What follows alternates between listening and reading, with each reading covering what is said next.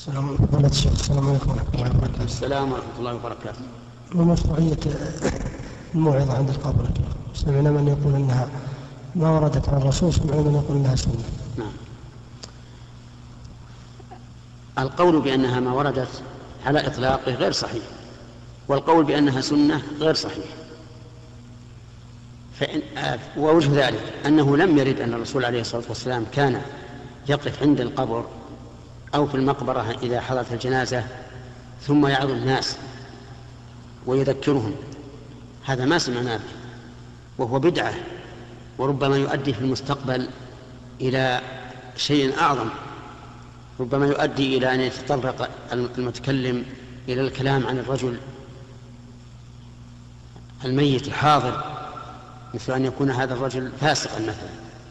ثم يقول انظروا إلى هذا الرجل بالأمس كان يلعب بالأمس كان يستأذن بالأمس كان كذا وكذا والآن هو في قبره مرتهن.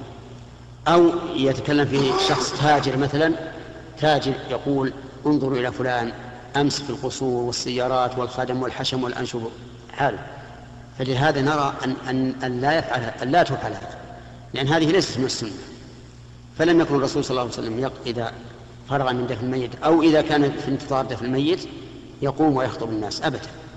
ولا عهدنا هذا أيضا في مشايخنا السابقين وهم أقرب إلى السنة منا. ولا عهدنا هذا أيضا في من قبلهم من الأعصار. فما كان الناس في عهد أبي بكر ولا عمر ولا عثمان ولا علي فيما نعلم يفعلون هذا. وخير الهدي هدي من سلف إذا وافق الحق.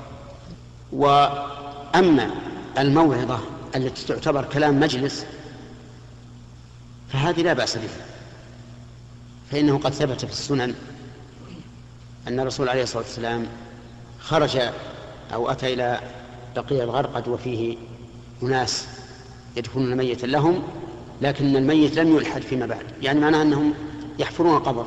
فجلس وجلس حوله أصحابه وجعل يحدثهم بحال الإنسان عند موته وحال الإنسان بعد دفنه. حديثا هادئا. حديثا هادئا ليس على سبيل الخطبة.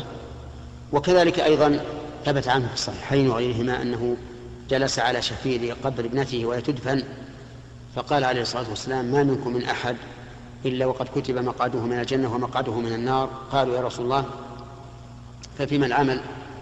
إذن قال أعملوا فكل ميسر لما خلق له. فالحاصل أن الموعظة هي أن قيام الإنسان يخطب هذا لا شك أنه ليس من السنة ولا ينبغي. لما عرفت من مما سيحدث في, في المستقبل. وأما الموعظة مثل إنسان جالس وحوله أصحابه أو صار يتكلم بما يناسب فهذا طيب. الاقتداء برسول الله صلى الله عليه وسلم. نعم.